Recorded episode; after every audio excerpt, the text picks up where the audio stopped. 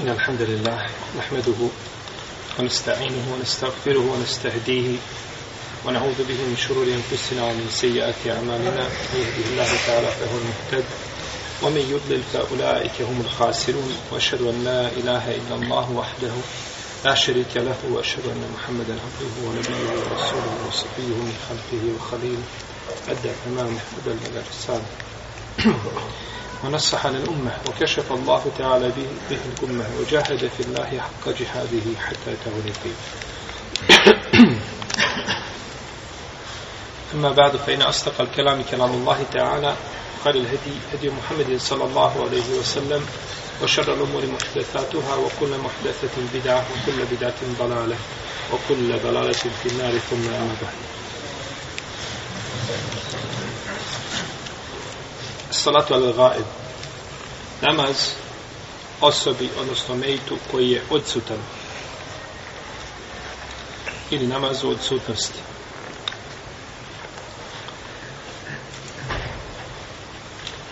kada je u pitanju namaz u odsutnosti islamski učenjaci imaju tri mišljenja prvo je da je dozvoljeno klanjati namaz u odsutnosti Mislim da je jasno šta je namaz uzrunost. Znači, Mejit je na jednom mjestu, u jednom podneblju preselio u jednoj zemlji, a dženaza mu se klanja na drugom mjestu. Prvo mišlje da je dozvoljeno klanjati, to je mišlje imama Šaki, i to je jedan ibajatelj imam Ahmeda. I pozivaju se na hadis kada je preselio Neđašija, rahimahullahu ta'ala, da je poslanik sallallahu alejhi ve selleme išao na musallu i da je klanjao sa četiri tekbira. I ovo kada je bilo živa muslim u svome sahihu. To je prvo mišljenje. Znači da je dozvoljeno klanjati dženazu u odsusnosti mejita. Drugo, da nije dozvoljeno klanjati dženazu takvoj osobi,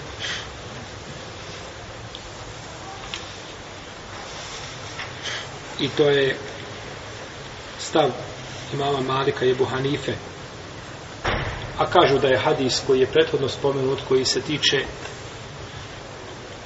neđašije da je to bilo svojstveno kome?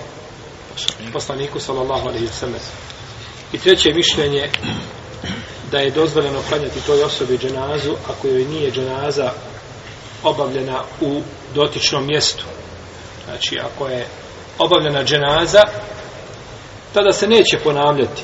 A ako nije, u tom slučaju će se klanjati. I ovo je mišljenje odabrao šehol islam ibn Tejmije, odabrao ibn Usaymin i drugi. Njihovi dokazi su da poslanik sallallahu alaihi vseleme nije nikada klanjao odsutnoj osobi dženazu osim neđaši. Zato što je umro među mušricima koji nisu mu jeli svakako klanjali dženazu, a i da jesu ne bi se računali, A i oni muslimani koji su bili sa imamom, sa neđašijom, koji su primili islam, nisu poznavali šta? Propise? Propise dženaze. Nisu poznavali zbog daljine, zbog nepoznavanja, znači općenito propisa, oni su vjerovali, osnovu su vjerovanja imali pri sebi, ali propisi do njih nisu bili stigli. Tako da čovjek koji je umro prije objavljivanja propisa, ili je umro nakon objavljivanja propisa, ali je bio spriječen da ih obavlja, bilo zbog vremenske e, znači e, nepostojanja ili vremenskog perioda e, za obavljanje tih ovaj propisa kao onaj čovjek koji je došao u bitku pa je primio islam pa mu kaže kaže poslanik sa osam hoće prvo primiti islam pa se boriti ili boriti se kaže primi islam pa se bori pa je poginuo ali jednog namaza nije obavio zato što nije mu znači vrijeme mu nije dozvoljavalo da obavi ni jedan namaz ili do njega nisu došli propisi čovjek primi islam i dođe propis a međutim taj propis nije došao do tog čovjeka nije došao do njega propis određeni nije imao puta i mogućnosti načina ga sazna znači takav propis pada se za razliku je nakon potpunjenja islama propisi su jasni i propisi su došli do svi ljudi i duže su, znači, nakon primanja islama odmah da sprovode osnovne propise u svom životu.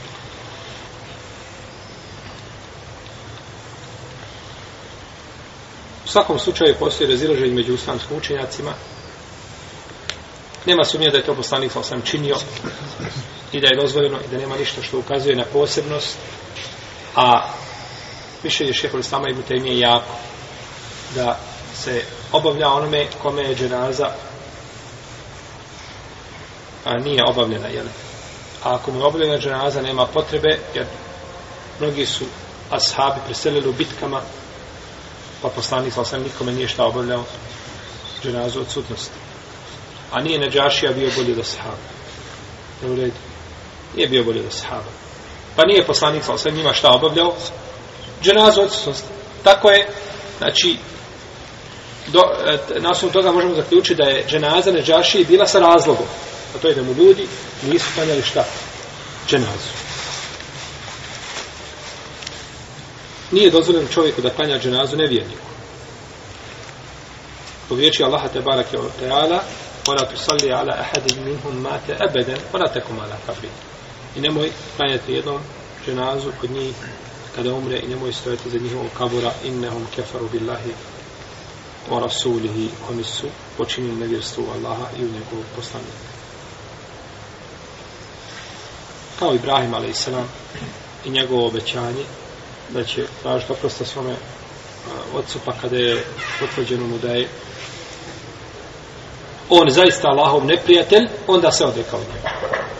Tako da se nevjerniku po konsensusu islamske učenjaka ne može planiti džanaza. Niti, mu može, niti, mu, niti bi mu koristila da, i da se klanja.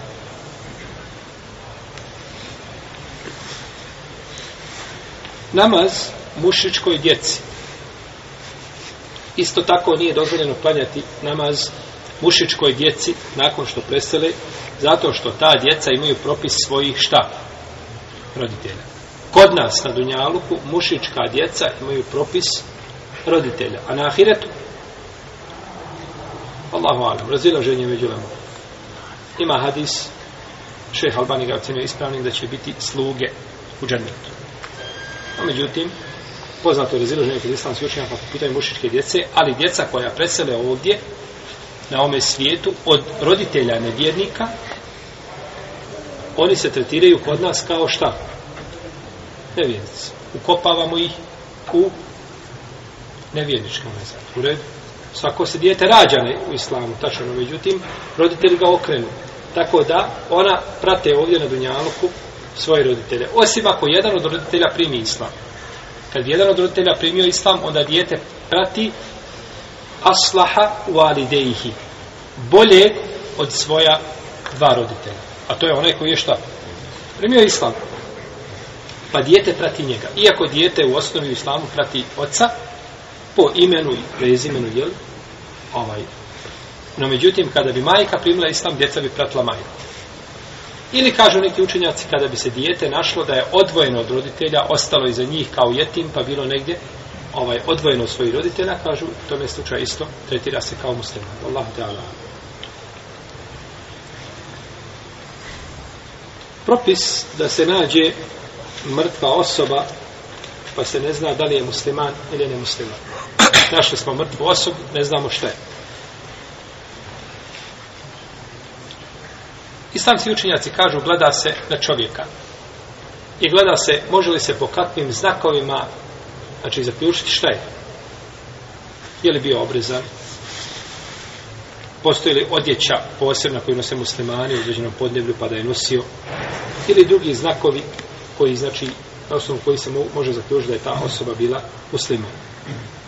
Ako se nađu ti znakovi pri njemu, ogasili će se i klanjaće mu se dženazom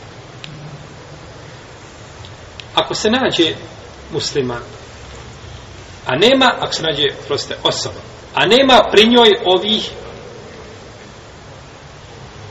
a, naznaka ili osobina, onda se gleda da li je ta osoba nađena u podnevu gdje žive muslimani. Ako je nađena u podnevu gdje žive muslimani, darul islam, klanja mu se šta? Dženaza. Klanja mu se dženaza kupaće se znači i klanjamo pa se dženaz. A ako se nađe u kući kufra ili nevjerstva u daru kufr, tada mu se neće klanjati dženaz. I to je stav imama Ahmeda.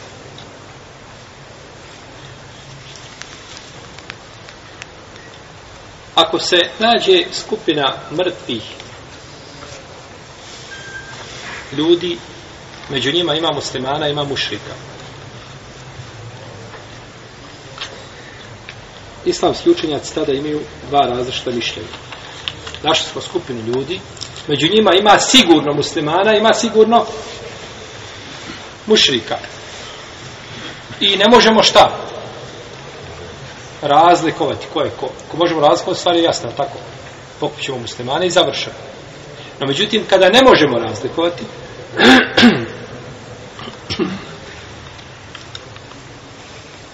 klanjat ćemo dženazu svima. Stavimo ispred nas sve ljude i klanjamo šta? Dženazu. Pa klanjamo dženazu i mušicama, tako? Kako će mušicama klanjati dženazu? Stavit ćemo svi ispred nas i nijetimo dženazu muslimanima od njih. Jel u redu? Znači sve poredamo ispred i nijetimo dženazu, jer se nevjednik, koji smo sad rekli da se nevjedniku ne može klanjati dženazu. Pa nijetimo dženazu muslimanima. Pa ko je bio musliman? Ulazi u taj propis. Ko je bio mušlik? Izišao iz propisa, ali u redu. Danas ima muslimana, imama koji ja kaže stanem u namaz i nijetim u namazu, ko će iza mene klanjati, a ko neće i trojicu ili petericu ljudi sa kojima nisam dobar, ja ih izbacim iz nijeta. Poimene se ih izbaci iz nijeta i klanja drugima. To je pogrešno. To se može raditi ovdje, znači, kada je čovjek nevjernik, a ti ne znaš, pa onda kažeš, nije tiš u srcu, ženazu kome? Samo muslimanu. Samo muslimanu. I to je mesebi mama Malika i Šafije i Ahmeda. Znači, to je mesebi čega? Većina islamskih učitelja, jest. Drugo mišljenje, ako se pomiješaju, pa ako je većina njih, ako su većina muslimani, klanja im se dženaza. Osim ako se zna da je neko nevjernik, ko će se odvojiti. A ako je većina nevjernika, neće im se klanja dženaza, osim onoga za koga se pouzdano zna šta da je muslimani. Srazumijete? Ako je većina muslimana, planjat će se svima dženaza, osim onih na osnovu, e, da možemo zaključiti da oni, u određenim jele, alametima ili znakovima, da, da oni nisu šta? Muslimani. Njih ćemo odvojiti. Ostali svi ostaju u propisu muslimana. A ako je većina nevjernika, nećemo nikome klanjati od njih dženazu, osim za koga vidimo i primijetimo na osnovu nekakvih simptoma da je on šta? Da je on musliman. Na osnovu nekakvih, znači, naznaka da je on musliman.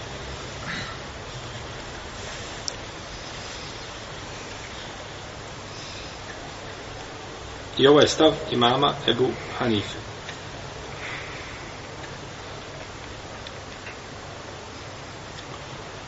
gdje se klanja dženaza gdje se klanja dženaza namaz nema sumnje da je mišljenje većine islamskih učenjaka jače i odgovara ciljevima šerija tako bi znači uvijek upotpunio šta dženazu muslimanima a staviti mušika ispred sebe a ne nijetiti mu dženazu Ne, nema dženaze u stvari. Kada mi stavili mejta ispred i ne bi nijetili dženazu i klanjali bi stračeno dženazu. Ne vjer, nema nijeta. Tako ima čovjek. Nema, znači, nijeta za njega za dženazu. Dženaze se klanja na musalli. A musalla je šta? Mjesto gdje se klanja. To se zove musalli. Kao što je ovo mesečin. Mjesto gdje se obavlja namaz. Mjesto gdje se čini sežda, pa je nazvano mesečin. Tako je musalla mjesto gdje se klanja, ali se musalla njom se, znači, cilja otvoreni prostor na kome musliman klanje. Pohvalno je dženazu klanjati na otvorenom mjestu, jer je tako najčešće činio Allahu poslanik sallallahu alaihi wa sallam i njegovi ashabi nakon njega. I to je mjesto koje je posebno određeno za dženazu.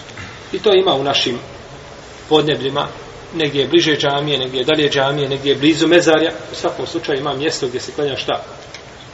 dženaza, obično ima mjesto gdje se stavlja mejt posebno, znači ovaj. I to je od sunneta.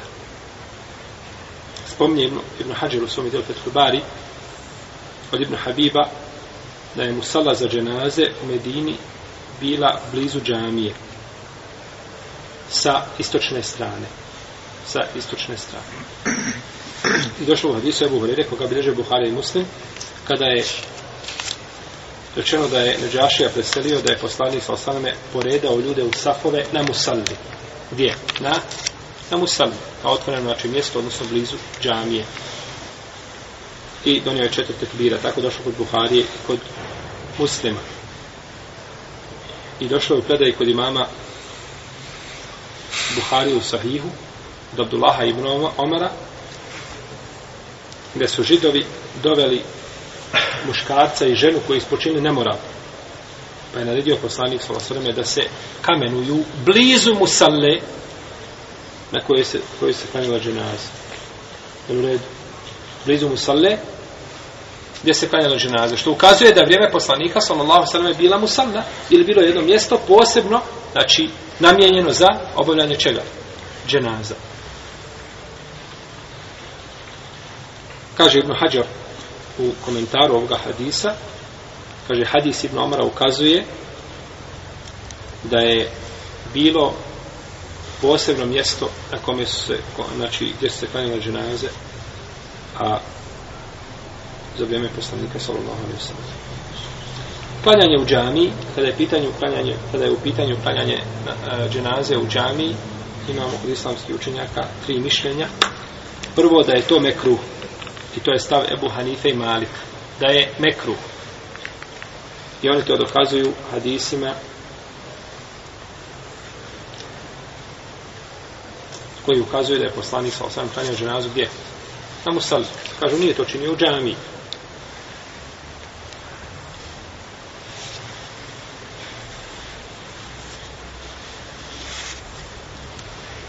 imamo drugo mišljenje da je dozvoljeno i to je stav Hanbelija zbog hadisa Ajše koga bi živa muslim u svome sahihu u kome se navodi da je poslanik sa osnovim je klanjao dženazu u džami Suhejlu i Nubeidao i treće mišljenje da je to dozvoljeno ako su ljudi sigurni da se neće nečim onečistiti mesečit da nije eventualno nešto izišlo na sa, na, na ketine, pa da potom se onečisti mesečit. Ako je ako ne, ako je isključena ta znači mogućnost ili, ili, ili ta problematika da se onečisti mesečit, onda je dozvoljeno znači kod imama Šafije. I to dokazuje isto hadisom Ajše koga smo prethodno citirali. Čak kaže da je namaz u džamiji vrijedni zbog vrijednosti džamije. Vrijednosti džamije. Iako ovo, ovo je diskutabilno da je namaz u džamiji vrijedniji, to je diskutabilno. Jer nema namaza na zemlji da je vrijedniji od namaza u poslaniku koji su osam džamiji. Osim vesuđa u Mekke. To je jasno. A do džamije, zemlja do džamije, je li isti propis namaza? Ispravno mišljenje da ako nije spojeno sa safovima, da, znači, ako džamija nije puna i nije spojeno sa safovima, da to vidi samo za džamiju. Pa je poslanik sa osvijem, pored toga, izlazio i klanjao gdje? Pored džamije.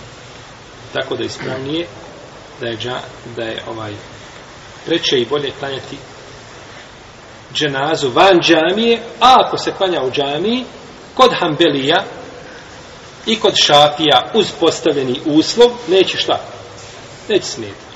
Neće smijeti. U svakom slučaju ispravno je mišljenje da je to dozvoljeno suprotno mišljenju Malikija i, Ham, i Hanefija koji to brane u smislu kerahijeta. A niko nije rekao da je šta? Da je haram.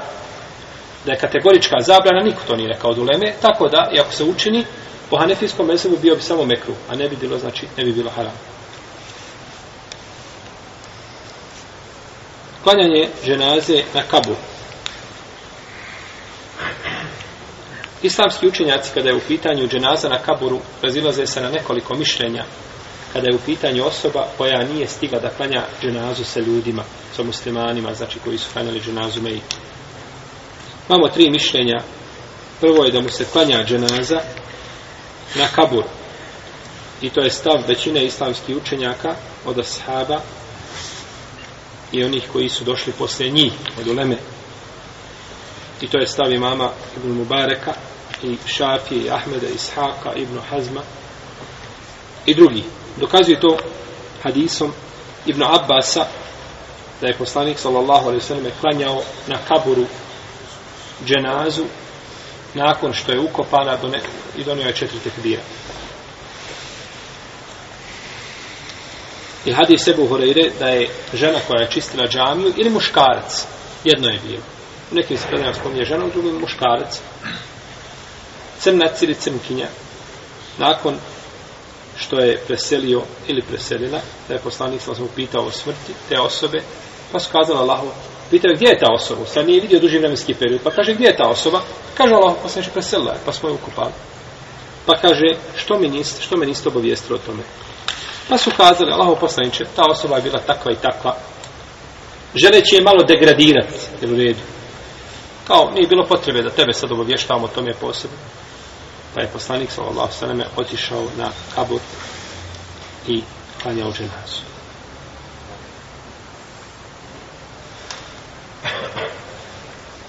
Klanjao je, znači, ženazu toj osobi, koja je možda u očima ljudi bila ispod onoga nekakvog običnog sloja sahaba. Pa međutim, kriteriji su kod Allaha za uđel drugačiji nego što ih mi vidimo našim očima.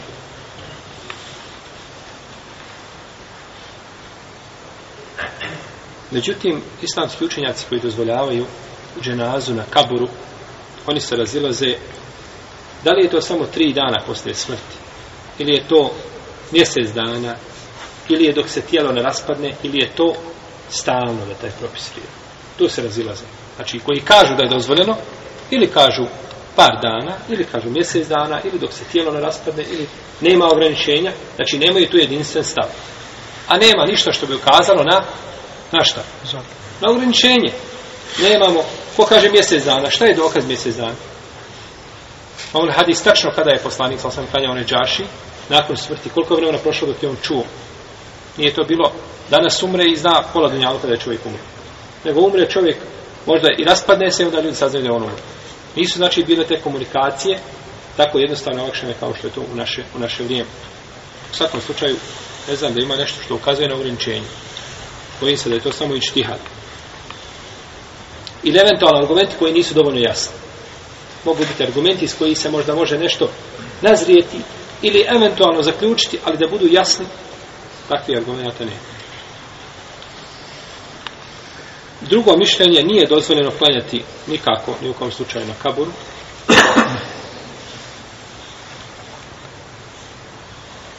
Ili, treće, nije dozvoljeno klanjati na kaburu, osim ako je osoba ukopana bez dženaze.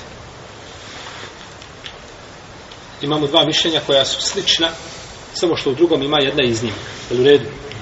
Nije dozvoljeno klanjati općenito osobi na kaburu, A drugo, kaže, nije dozvoljeno osim ako je osoba ukopana bez dženaze. I oba dva se stava prenose od imama Enehaija i prenose su debu Hanife od Malika i od drugih. Dokazuju to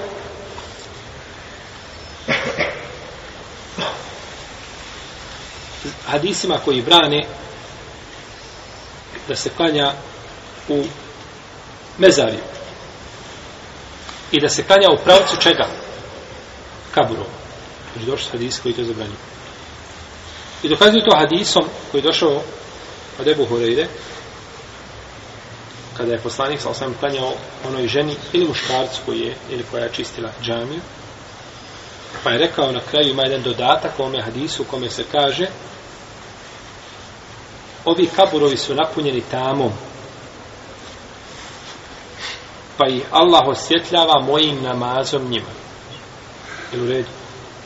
Kaburovi su ispunjeni tamom, pa ih uzvišeni Allah osvjetli mojim namazom tim ljudima. Pa kažu, hadis je jasan dokaz da se radi o izuzetku koji vrijedi samo za poslanika sallallahu alejhi ve sellem. Jer njegov namaz osvjetljava kaburove šta? Tih ljudi. A neće osvjetljavati te kaburove namaz drugih ljudi. Nema sumnje da je potvrđeno znači od poslanika sallallahu alejhi ve selleme u naj kako se navodi u najvjerodostojnijim hadiskim zbirkama da je klanjao dženazu na kaburu.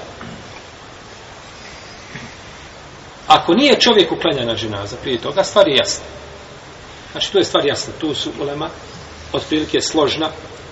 Ovaj, osim ovoga drugog mišljenja koje ako bi uzeli od imama Ebu Hanife i Nehaija i Malika, koji kažu da nije nikako dozvoljeno. Ali se od njih isto prenosi da je dozvoljeno ako osobi nije obavljena ženaza.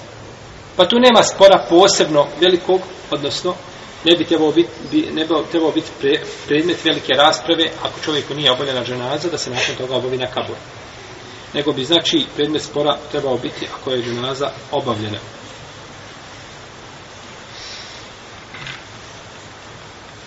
Ako je obavljena dženaza, imamo hadis žene crnkinje koja je presela ili muškarca, pa je poslanik sa osvijem nakon toga obavio šta? dženazu. A oni kažu, Allahu poslaniče, ta osoba je presela i mi smo ukupali, nismo te obavijestili, nismo vidjeli za shodno da te šta. Obavijestimo o tome. Što znači da su oni obavili dženazu. Nelogično je, znači da ashabi ukopaju nekoga bez dženaze. Znači dženaza je bila poznata u to vrijeme, jer je poslanik sa osvijem nakon toga ošao i klanjao dženazu. Znači to je, je jasna, to je jasna stvar.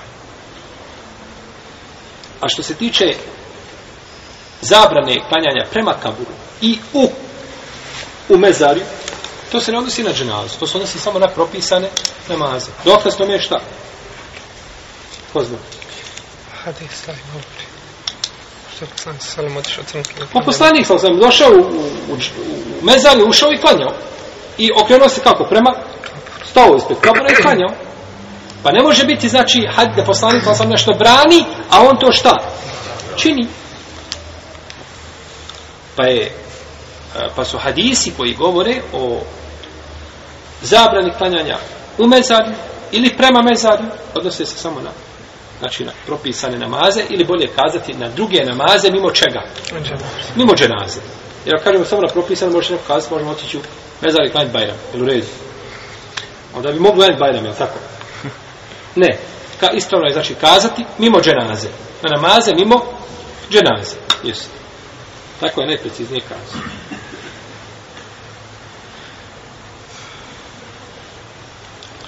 A što se tiče a, mišljenja Ebu Hanife i Malika, da je to bilo posebno samo poslaniku, sallallahu alaihi vseleme, to je malo diskutabilno ili upitno.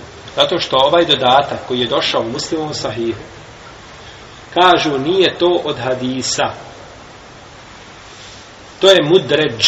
Mudređ je nešto što je ubačeno u hadis. Jel u redu?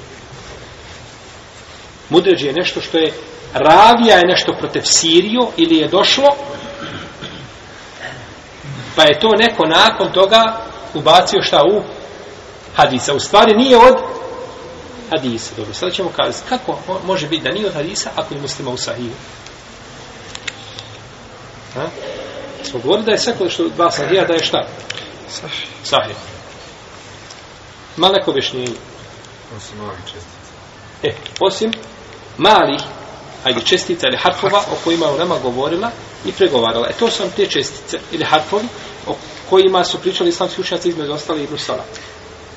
Pa ima muslim zabilježio hadis prvu verziju u kome se nema tog dodatka, jedna od verzija spominje šta dodatak. Zato imam Buhari tu verziju nije zabilježio u svom sahiju. I s te strane se Buharin Sahih odlikuje nad muslimom. I puno više odlika ima Buharin Sahih nad muslimovim nego muslimom nad Buharin. Iako muslimov Sahih ima odlika, muslimov Sahih ima odlika nad, nad Buharin Sahih. Pa Buharija nije zabilježio te do, te, tog dodatka. Ali ima muslim ukazao, spomene prvo predaju koja je šta? Verziju koja je vjerodostojnija. I onda spomene verzije koje imaju nakon toga. Pa je osnova hadisa šta? ispravna. A međutim, taj dodatak tu, kažemo, on ne pripada ovdje. Ali hadis ispravan. Hadis je osnovni ispravan. Tako da ne može niko doći i govoriti da u Buhari, ili kod muslima, ima neispravni hadisa. Ne. Sve što je u ta dva sahija ispravno, no međutim, ima, znači, predaja, kao što smo navodili primjer, ili davanje sedake, da ne zna desnica šta je dava, dava šta. Ljevica, to je muslimovo sahiju. A ispravno je obratno. Pa imam ti muslim prvo navede da ne zna ljevica šta je dala desnica, pa ti onda nakon toga navede u popratnim tim, znači, predajama, da vede verziju u kojoj se kaže da ne zna desnica šta je dala ljevica. Pa to će ukazati da je ravija šta? Obrnuo. Da je ravija obrnuo hadis. Ovaj hadis o samobistvu. Prošli put smo radili. Šta je? Vječno. Da je vječno ono dodatak. Jeste dodatak, znači, koji se navodi, jeste da je vječno. Da je dodatak vječno, pa je Ulema govorila da taj dodatak, znači, nije od hadisa. Molim? Možeš, Allah, ti dao svako dobro.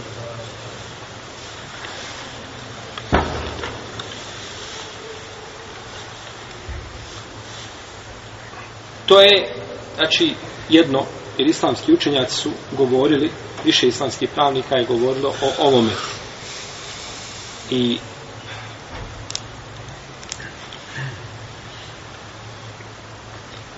nekoliko ljudi koji prenose, znači, od Ravija, od Hamada i Bruzeida su to pojasnili odnosno kako znamo da je određena stvar ubačena u hadis. Taj hadis u kome ima dodatak, koji je čudan, uporedimo sa drugim verzijama tog hadisa ili sa lancima prenosilaca. Pa na primjer, prenosi od Hamada ibn Zejda sedmerica prenosi. Šesterica nisu spomenula dodatak, a jedan spomenu. To ukazuje da je jedan šta? Pogriješio. Ne mora biti nužno. Ne mora biti nužno da je pogriješio, ali je jedan od znači, uređihata ili sporednih argumenata ili dokaza koji ukazuje da je taj dodatak ubačen u hadisu. Pa kada se uporede sve te verzije i jedan dođe sa verzijom koja je čudna, kažemo, osim ako je ta osoba koja je došla sa nečim bila dugo uz tu osobu ili uz tog šeha svoga. Kao na primjer, a, Sabit al-Bunani je bio najviše uz Anesa ibn Malik ili Nafija uz Ibn Omar. Pa kad Nafija nešto doda, koliko da kaže suprotno Navi, Nafi i koliko da je bilo ne koristi puno. Jer je Nafija bio uz Ibn Omara i dan i noć. Nikad se od njega nije odvajao. I mogao je čuti od njega ono što drugi nisu šta čuli. I on je najpouzdaniji kada su pitanje njegovi hadis, kao što je Alkam od Ibn Mesauda. Pa tada osoba koja je dugo bila uz šeha i stalno boravila sa njim i slušala od njega hadise, tada su njegovi hadisi jači možda i od dvojice i od trojice drugih koji prenose. Jer prije da će oni pogriješiti nego on koji je stalno bio uz njega i iste stvari slušao. No međutim, ako su ljudi bilo ovako sjedu u halki, slušali jedan i drugi i treći, znači na istom rangu, na istoj su deređi, i nakon toga prenose, pa kako džumhur prenese, to biva dokaz, ne mora biti, znači nije, nije ovaj a, pravilo znači fiksno, ali biva dokaz protiv manjine ili protiv jedne osobe koja prenose. Potom, kada bismo kazali da je ova predaja vjerodostojna, hajmo, hajmo pretpostaviti da ovo zaista od Dinsa. Je li ona ukazuje ova predaja nužno da je to zabranjeno drugim ljudima mimo poslanika sa Kaže, Allah njima osvjetli kaburove zbog moga namaza njima. Je to ukazuje striktno da neće osvjetliti ako drugi budu klanjali? Je li ukazuje striktno u redu? Hajmo ukazit. Ukazuje striktno da je osvjeten kabur radi namaza poslanika sasvim. redu? Da li ukazuje da je zabranjeno drugim ljudima da klanjuju? Ne ukazuje. Ne ukazuje. Ima razlog zašto je rekao poslanik u redu, ali ne ukazuje da je drugim ljudima zabranjeno.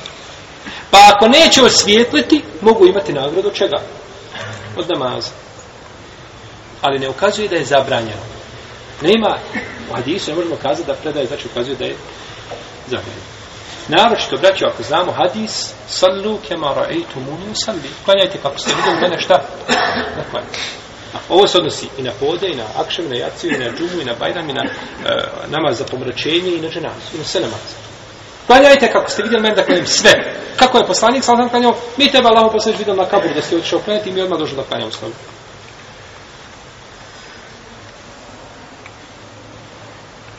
I druga stvar, navodi se u određenim verzijama da su ashabi došli klanjali sa njim. Pa da je bilo striktno za njega, ne bi se oni poredali za njega i šta? Klanjali? Žena nazva, tako, oni bi kazali, nemojte vi ići, nemate potrebe da se zahmetite, da stajete, to ništa ne vredi, moj namaz njima osjetljava kaburove, a oni nemaju ništa od vašeg namaza.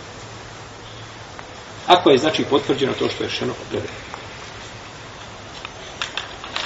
A,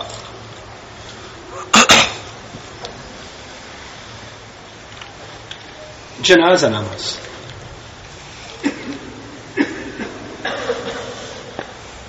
Dženaza namaz počinje znači sa ili ima u sebi četiri tekbira, sa, sastoji se četiri tekbira, a govorit znači o broju tekbira, i to je najpoznatiji znači način klanjanja dženaze sa četiri tekbira. Od Ebu Hurere se prenosi kako bliže Buhari i Muslim da je poslanik sa osvijem sanjao pa, e, neđaši e, dženazu namaz sa četiri tekvira u ono sali kada ljude prede u safor. Prenosi se slično u predaj od džabira koji bliži imam Buhari. I došlo od Ibnu Abbasa da je, alaikum salam, da je poslanik sa osvijem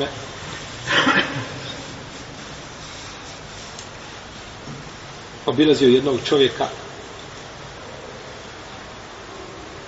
pa je preselio taj čovjek, pa su ga ukupali po noći. Pa je utro upitao što me niste obavijestili, pa su kazali, Allah poslaniče, bila je noć. Pa smo, pa nam je bilo teško da te uznemiravamo. Pa je poslanik sa osadom otišao na habu, pa nam je dženazu sa četvrta kjara. Bilježimo sam u svome sahibu. I ovo ovaj je stavi mama vladara pravovjernih, Omer ibn Khattaba, ibn Omer, Izeda ibn Stabite, ibn Alija, Ibn Abi Ufa, Ibn Alba ibn Azba, Ibn Hureyre, Ibn Amira, Ibn Muhammeda, Ibn Al-Hanefije, i Ataj, Isteuri, Auzari, Ahmeda, Ishaaka, Malika, učenjaka Hanefijske pravne škole, Ibn Mubareka, Šafije i drugi. Znači, izraziti dio islamske učenjaka smatra da se za dženazu donose četiri tekbira. Drugi, i vidimo ovi, znači, hadis, ja se ukazuju da je poslanik, sa osvijem sanja ordinacija četiri tekbir.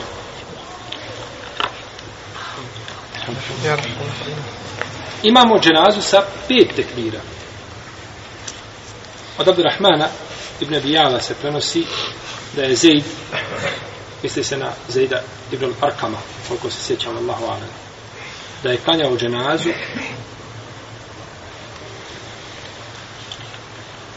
četiri tekbira, pa je jedan put klanjao sa pet tekbira. Pa su ga upitali o tome, pa kažu, tako je činio poslanik sallallahu alaihi sallam. To je bilježima muslimu sallam sahih. I prenosi se odali je da je klanjao učesnicima bedra dženazu sa šest tekbira, a sahabima poslanika sallallahu alaihi sa pet, a ostalim ljudima sa četiri tekbira. I to bilježimo bišejde sa ispravnim lancem prenosilicima. Imamo dženazu sa sedam tekvira, i u tome se smislo navodi jedan daiv hadis od Ibn Abbasa kaže naredio je poslanik sa osaleme na dan Uhuda da se stavi po devet ljudi i Hamza je bio jedan znači ispred njega od dženaza pa je donio sedam tekbira potom su svi odnešeni osim Hamze pa je donio, donio druga skupina pa im je klanjao sa sedam tekbira. Dženaza sa devet tekbira prenosi se Abdullaha i Muzubeira da je poslanik Osrme naredio na dan uhoda da se pokrije Hamza pa su ga pokrili pa mu je klanjao dženazu sa devet tekvira i kaže za ovu predaju šeha Albani da je dobra. Biliži vam Tahavi u Šarhul Me'ani, Ibn Ebi Šejbe i drugi. I došlo da sahaba da su klanjali dženazu sa tri, četiri, pet, šest i sedam tekbira. Imam neovi spominje ovo pa kaže potom nakon ovoga razilaženja se ulema ujedinila i složila da se ne donosi više od četiri tekvira. Znači ukazao je na razilaženje, potom je ukazao da se jedina uh, ulema složila na četiri tekvira.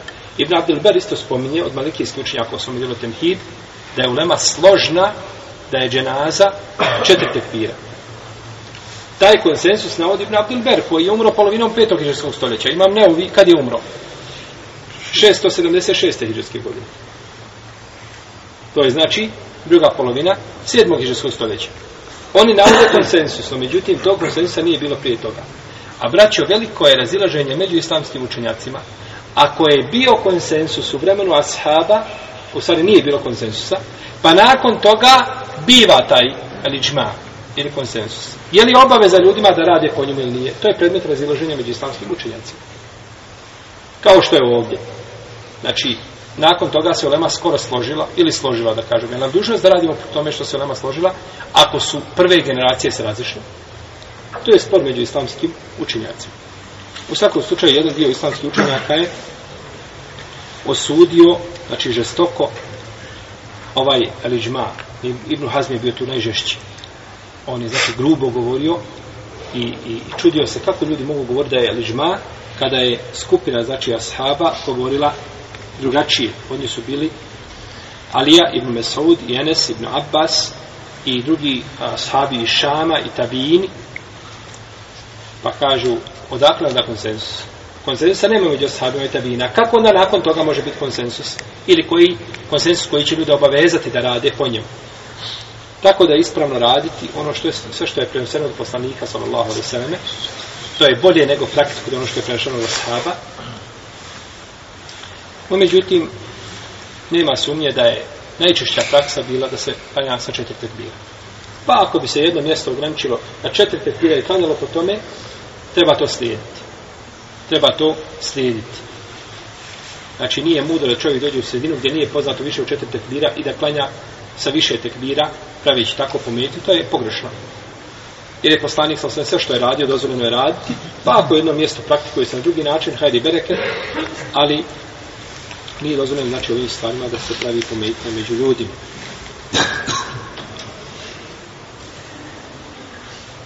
Neki učenjaci kažu da je dozvoljeno i lijepo da se samo e, učenim ljudima znači klanja više od četiri tekbira. I na osnovu toga imam Tahavije naslovio poglavlje u svome dijelu.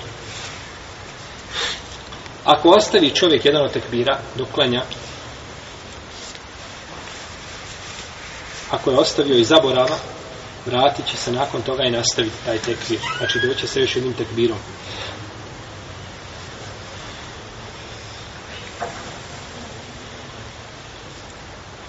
Jer se prenosi od Enesa Ibn Malika da je donio za dženazu tri tekbira, potom je zaboravio četvrti i otišao. Pa je razgovarao sa ljudima, pa su mu kazali, o Ebu Hamza, ti si donio tri tekbira, pa je vratio se nazad i postrojio ljude i znači oni su paljali safove i ponovo klanjao još jedan tekbir. A ako ostavi namjer na taj tekbir, pokvaće mu to pokvaće mu to namaz. Osim ako kažemo, imamo predaj od Zajda i Mlarkama, u stvari predaj se navodio od Saba sa tri tekbira, a od poslanika sa osam ne bi znači u tome slučaju bila, pa bi i od tad namaz pokvara. Bilo jedno ili drugo, neće se činiti sebi sežda. Jer sežda nema pri nema pri namazu. Pri dženazi. Namazu. I ti općenito ima jedno seždi tome namazu. Allah ta'ala. Salli Allah na nebina Muhammed. Wa ala ala ala sallam. Ima pitanja vezani za ovo što smo govorili ima ovoga kuda.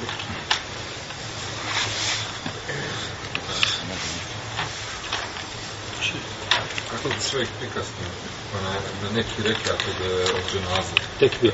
Na neki tekbir. Šta će učiti? Če učiti kao istina ono što je njegov prvo, njegov prvi reka? Isto. isto. Kao na propisu. Uči njegov Jedan dio uleme kažu da nema čovjek koji zakasni da neće nadokraditi teritoriju, tekbire. Zato kao što se dženaza diže, Ženaza se diže i izlazi u redu i ti ne možeš. Znači, prolazi kroz safove, to je jedno. Ako je u džamiji. Druga stvar, kažu ti ne znaš sa koliko je tekbira imam klanjao. Koliko ćeš nam dokloniti? Možda on klanjao sa devet. Kao što je poslanik sam klanjao Hamzi. Ima jedna predaja čak da je Hamzi klanjao sa deset. Tekbira, ali ta je predaja batil, nije vjerno ovo je ispravno što je šeha Albani cijenio dobro, da je sa devet klanjao njemu. U redu. Koliko je tekbira, koliko je tekbira klanjao imam? Ti ne znaš. Pa kažu nećeš nadoknaditi. Ali ispravno da hoćeš nadoknaditi. Zbog hadisa poslanika sallallahu fema adektum fe sallu, vama fatekom fe timmu. Što ste stigli, klanjajte iza imama, a što niste nadoknaditi. To se odnosi kako na propisane, tako i na druge namaze. Tako da, čovjek koji je došao na treći, na primjer, tekbir, uči na prvom tekbiru, pa tihu. Na četvrtom tekbiru dok ovaj uči dovu, ako uči dovu, a, vidit ćemo, ovaj, tiče učenja, kod većine uleme ima dova nakon četvrto, dok kod Hambelija nema. A dok kad odete u Meku i u Medinu, neklanja posle četvrtog nema ništa. Samo četvrti tekbir je odmah sela, pošto kod nema dove. Ovaj, I nakon toga ti uči znači Fatihu na prvom, kada on uči četvrti, četvrtom e, tekviru, posle četvrtog tekvira kada uči dovu, ti ćeš učiti salavat. Kada on preselami, ti doneseš treći svoj i učiš domu mejtu i nakon toga četvrti preselamiš. Znači, dok vede se ti tekbir. I to je, vallahu ta'ala, da je to ispravnije mišljenje zbog hadisa, šta stignete, klanjajte, a šta ste propustili, propustili na kumiju.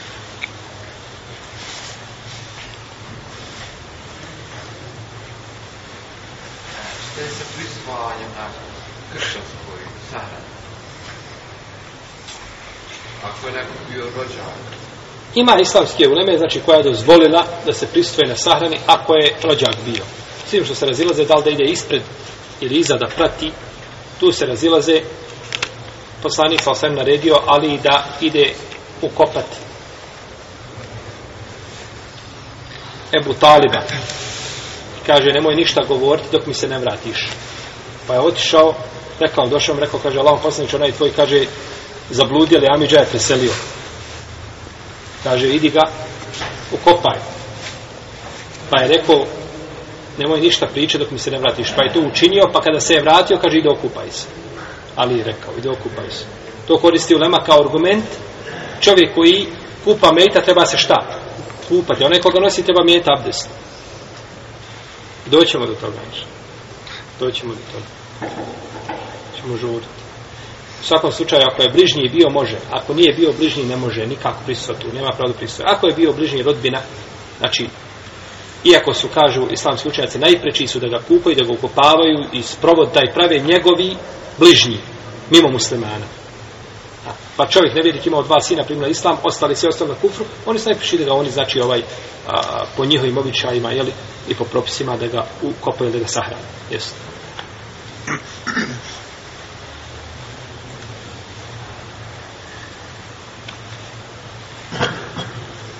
Ja bih samo daću prije nego što ovaj, ovaj još bi, e, eh, jednu činjenicu ovaj ili ukazao bi jedan propust koji je zašao sa naše strane, a to je nakon namaza da uvijek nekako nam se otima to kontroli i da pričamo ovdje u džami. Znači, to je neispravno. U džami je zabranjeno pričati povišenim glasom, Zabranjeno je braću u džami učiti Kur'an povišenim glasom i ometati klanjača. Poslanik sallallahu sallam je ušao u džami i čuo čovjeka kako uči Kur'an na glas i rekao nemojte dizati glas sa učenjem Kur'ana, svako od vas dovi svoga gospodara. Znači, meni nije dozvoljeno da otvorim Kur'an i da učim suru, jel u redu? da učim suru Jasin, da učim bilo koji suru i da ometam brata muslimana. Kako mi je dozvoljeno onda da ometam brata muslimana sa džes, kako se šta ima? Je u red? Ako ga ne mogu metati Allahovim govorom do klanja, kako mogu govorom našim dunjalučkim koji možda ponekad i nije za čanamije? Zato bih ja se ja zamolio Allahom da je svako dobro. Da pazimo na učinjenicu.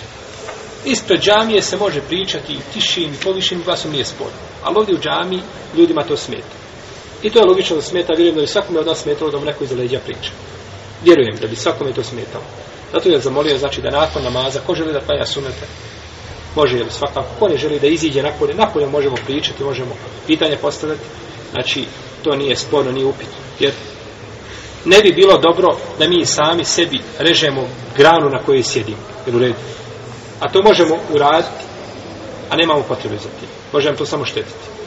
I zato bih zamolio braće da mene nakon predavanja niko ništa ne pita. Jer obično posle predavanja dođe braće skupina i ja nisam htio pred ljudima u redu napolje me pitaju. Zato vas zamoljavam, neću nikome odgovarati nakon predavanja, nakon što kažemo sallallahu manu rabina Muhammed, nema nikakvi odgovor. Znači to je radi naše koristi, vaše i naše ovdje zajedničke, a to se može na omest napolje. Ja sam uvijek spreman braći tu, nikada nisam otišao iz džamije i pobjegao na polje tu sam svako zna koliko mogu kome šta pomoć uvijek sam spreman no međutim radi znači ovaj ovdje kakve discipline u džami da na to pazim zato ja se znači zamoljam da da, da, da ovaj držite se toga i da nakon namaza napustimo to ako vidiš brata muslimana dođi tapšaj ga po ramenu brate Allah te nagradio ko možeš izaći napolje da pričaš ljudi klanjaju i tako dalje to je lijepo to je hajde Allah dao svako dobro mi trebamo biti ovdje primjer u džami mi bismo trebali biti primjer oni koji stiču znanje šerijetsko i koji žele da se vladaju po šerijetskim propisima, mora biti primjeru protivnom kakva korist od znanja. Ako se mi poistovjetimo sa običnim ljudima, kakva korist od znanja? Jel u redu? Čovjek kada je jedan, kada je izgrdio jednog od celefa, ne znam se tačno ovaj, ko je bio. Uglavnom poznat je neko od celefa bio. I kaže mu drugi, pa zar mu nećeš kaj sad vratiti? On ti je sva što izgovorio. Sad mu kaže vrat. Kaže, voli me da ne te alnemu na ilm. Kaže, dobro, onda zašto učimo znanje? Ako ću ja biti isti kao on, on me nagrdio i ružno mi kazao, i ako ću ja njemu zvrati na isti način, zašto ja onda učim za njim? A kakva je razgled mene i njega? E tako je ovo isto, znači. Čista je stvar. Da budemo, znači, da se ti odlikuješ, da je tebe tvoje znanje diglo na jednu deređu i da se čovjek digne iza toga i da sebi ne dozvoliš nikada da te neko uzme za i da kaže molim te, izađi van džanije priča. To sebi ne trebaš dozvoliti nikada, jer čovjek time poštuje sebe prvenstveno, a onda i svoje braću muslima. Allah vam dao svako dobro. Reci brate. Allah je dao svako. E, što se tiče e, dženaze i ja, ovog ono, konsenzusa o, o, o broju rekata, Reci. O broju, o broju, konsenzusu, o broju. Kako, kako može se onaj, donijeti konsenzu kad postoje vjerodestveni hadisi, znači da je klanjao 4, 5, 7? Nakon toga praksa, praksa ljudi se e, ustabila na četiri rekiata. Zbog jasnih predaja kod Buharije, na četiri tekbira, jel? E, zbog jasnih predaja, znači kod Buhari i kod muslima da je poslanik sam klanjao dženasa četiri tekbira i nakon toga većina sahaba, to slijeda vidimo Omar, Ibnu Abbas, Ibnu Omar, Ebu Hureyre i tako dalje. Znači većina je ljudi bila na četiri tekbira, ili u redu. I nakon toga praksa išla polako i ono što je imalo najjače argumente to je uvijek šta? Ispliva gore. I onda nakon toga je stvarno ljudi koji dolazi od uleme nakon toga kažu pa vidimo da je naša I tako se na tome, znači nije to bio konsensus da kažu drugo ne. Drugo se ne smije nikako. Ne ono kažu konsensus da je praksa potvrdila da su to četiri tekbira. E u tome, znači, s te strane je bio konsensus. Ali, ali kod, kod islam slučaja na sporno, može li se, može li se desiti konsensus na nečemu na čemu se ashabi u veliko razišli? E, tu je sporno. Tako da ovdje prizivanje konsensusa možda postoji neko koji je radio od imama, da imam nevo nije, nije čuo za njega. Ili imam ima bilberi, tako da. U svakom slučaju, ovaj, a, nije ovdje napravljena nikakva znači greška od strane kažem islamski učenja to je ne ne dolazi u obzir nikakve da se tako Allah je dao svakve dobro Koliko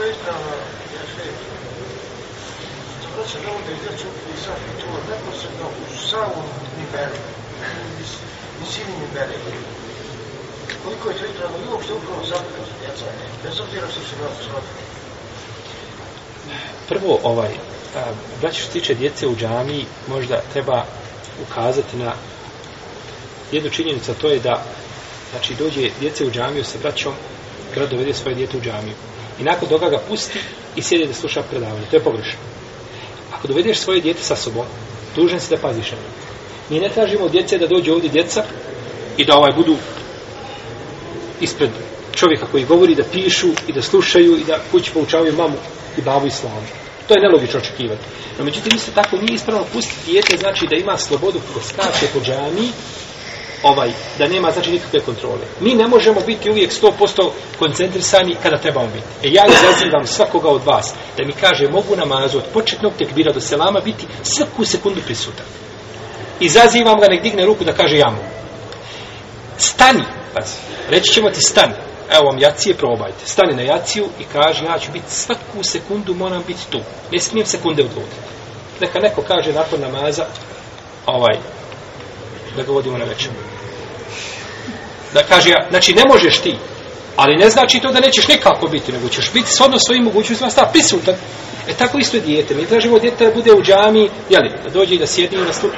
No međutim, ipak da čovjek dođe da svoje djete stavi pored sebe da sluša, navikava ga, braće, da sluša babo od imama Sojutije donosio Sojutiju kod imama Ibn Hadžara u Halke kada je imao tri godine kada je berek i sjedio je pored njega i slušao se tri godine znači da se pazi na djecu koliko se može to je jedno druga stvar, djecu ne treba voditi znači prvi saf ne zbog toga što je zabranjeno nego zbog toga što to ometa ljude i zbog toga što ljudi ne možemo mi braćo svaku stvar pojasti ljudima i dokazati i raspravljati se sa starim djedom u ga kako djete ima pravo da stane ako je došlo prvo ima pravo da stane u prvi sat ne možeš mu to dokazati. Onda bolje uzmi svoj gdje to midi na kraj saf, ili negdje stane, znači, ukraj tako da nećeš ometi, znači, ljudi. Mislim da je to ovaj, ovaj, uh, jer dosta, ja sam dosta puta klanjao djete, stane u prvi spot i ode. Samo jedan put iziđe i ode, voda preko im bere iza imama, pa se vrati nazad ispred ljudi. Znači, da se ljudi ne sastaju da je to dozvoljeno, znači, i djetu da se šeta. I onda to pravi, znači, probleme. Pa je preče da se stane, znači, negdje u, u kraj, da se ne pravi, znači, ovaj, ne, ne, ne. Jesi. Pročitao sam u knjizi poslanika Osami Tibin Abbas da su riječi la havle vela kuvetila bila lijek za 99 bolesti, ali to hadis ili izrek? To, to, to je, to je knjiga od Ibn Rajipa, tako? Da. Ne znam, ne znam da je hadis. Nije mi poznat. Ili ima tamo napisano nešto? Ali mogu se sad sjetiti tačno. Da. Je li piše gore, ali dobro pusti ovdje? Da mogu se sada i se sjeti. Ako budeš našao koji stranci javim porukom da provjerim, imam ja tu knjigu kuću, pa ću provjeriti ovaj, da, da vidimo šta je.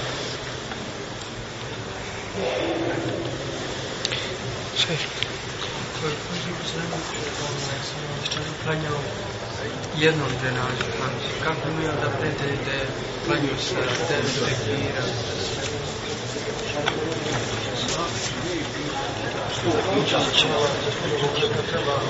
To je znači to je znači ovaj to su rivajeti koji su došli koji su prenešeni poslanik sa 7 sa 9 tekbira. Znači kako su kako je poslanik sa 7 klanjao. To je znači razilaženje među ulemom i razilaženje među svojim hadisa. Jedno od tih hadisa nisu došli kod Buhari kod muslima.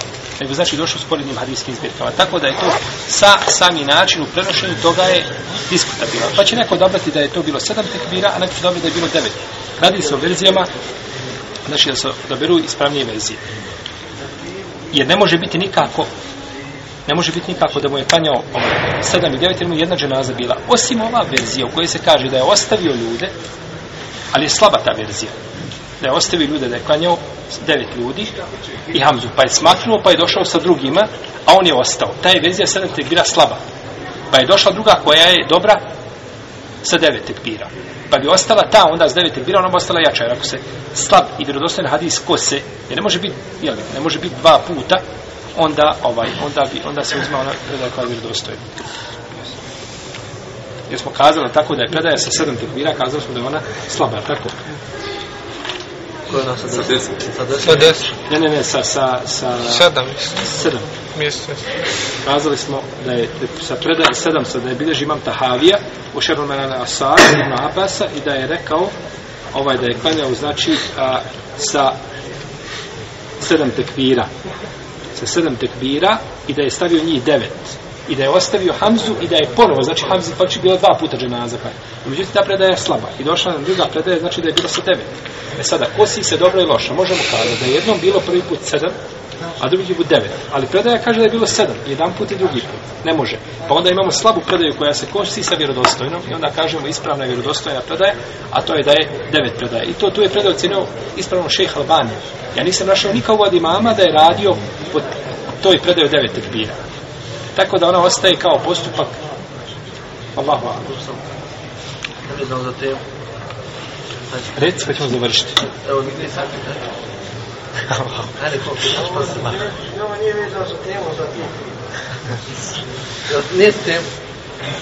Nije za temu, ne da je čula, on je to malo čula, nekog doktora iz Narodne, da moram ono, koji je navi, da je čula da je poslanik sallallahu alejhi ve sellem klanjao do 8 rekata duha namaza. Koliko je to sad? Ispravno. Jeste, to je poznato kod kod fakih. Samo na kopit moraju biti za redom ili možemo recimo odmoriti? Ne mora, ne mora biti za redom. Neki je samo u tom periodu. Neki je znači u periodu duha namaza, znači do predpodne, od izlaska sunca, to je ispravo mišljenje da je od, od izlaska sunca jedno 15 do 20 minuta, do predpodne namaz znači da se klanja u intervalima, da čovjek kam noći namaz. Klanjaš dva... Što znači do predpodne namaz? do predpodne namaz, znači do pred, ako, znači do pred ezan, možda nekih 15-20 minuta. Subhad nastupa. Jeste. Ne, tad prvo sunce ulazi u zenit. I to je zabrana. Ne, ne, subhad nastupa, znači sabah. 15 minuta, kad prođe, pa onda završi duha namaz. Ne sabah, gdje izlazi sunce. Otac se može klanjati duha namaz. Nakon je zašto sunca, 15 minuta prije... 15 minuta i neki možda 15-20 minuta prije nastupa, gdje je podne sudnama. Allah, ta nam, sallam. Sad je gotovo.